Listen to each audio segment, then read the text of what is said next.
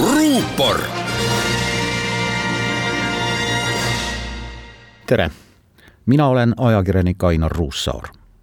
ilmselt on kuulajaid, keda see Valgevene teema on juba ära tüüdanud. aga ma ei jäta jonni ja luban, et tuletan ka tulevikus meelde pühapäevast lennuki kaaperdamist, rahumeelsete demonstrantide peksmist, teisitimõtlejate vangi panemist ja piinamist vähemalt senikaua, kuni selles Eestist vähem kui kuuesaja kilomeetri kaugusel asuvas riigis kehtib diktatuur ja terror. täna tahan ma kiita lõunanaabreid lätlasi, nende väga jõulise teo pärast toetada vaba Valgevenet ja mõista hukka diktatuuri kuriteod Riia linnapea Martin Stakise ja Läti välisministri Edgars Rinkevitši otsus heisata jäähoki maailmameistrivõistluste ajal Riias vaba Valgevene sümboliks olnud valge-punavalged rahvuslipud ja võtta maha praeguse režiimi nõukogude ajast pärit punarohelised lipud kajas vastu kogu läänemaailmas. Kajas vastu seda tugevamini, et Rahvusvaheline Jäähokiliit palus Läti pealinnas maha võtta ka nende lipud mõnesaja kilomeetri kaugusel peahokiväljakust ärandatakse lennukeid, piinatakse ja tapetakse inimesi.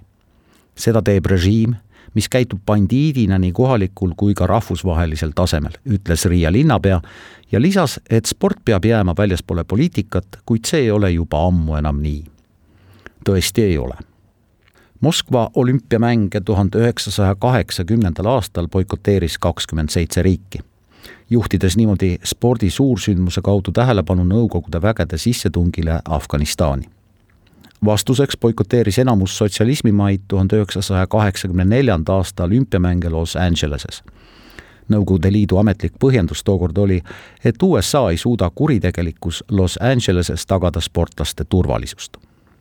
Valgevene teatas Riia lipuvahetuse järel, et saadab riigist välja kogu Läti saatkonna.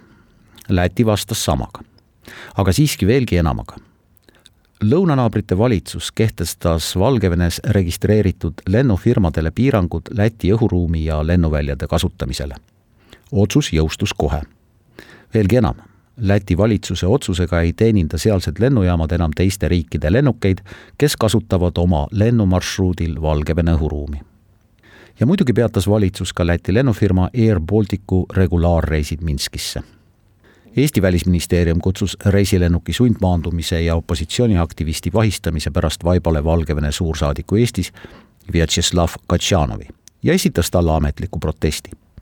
ministeeriumi kodulehe konsulaarinfo soovitab Valgevenesse reisida ainult hädavajadusel ja soovitab sinna siiski minnes vältida rahvakogunemisi Tallinna lennujaama reisiinfo kohaselt võib aga homme kell kümme nelikümmend viis istuda Valgevene lennukompanii Belavia lennukile ja maanduda tund ning viisteist minutit hiljem Minskis.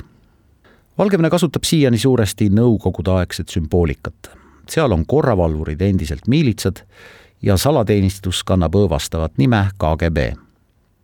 Valgevenes kehtib ametlikult surmanuhtlus kõik, kes kannavad Valgevenes liikudes rahvuslipu värve, näiteks punast jopet ja valgeid teksaseid, on provokaatorid ja riskivad paremal juhul arestikambrisse sattumisega. mida on siis aga saavutanud Aleksandr Lukašenko? selle, et riik on lääne poolt isolatsioonis. ja selle, et kõik praeguse režiimi ja diktaatori vastased, elagu nad kodumaal või välismaal, peavad arvestama võimalusega, et nad röövitakse pannakse vangi, mõistetakse surma, kas või tagaselja.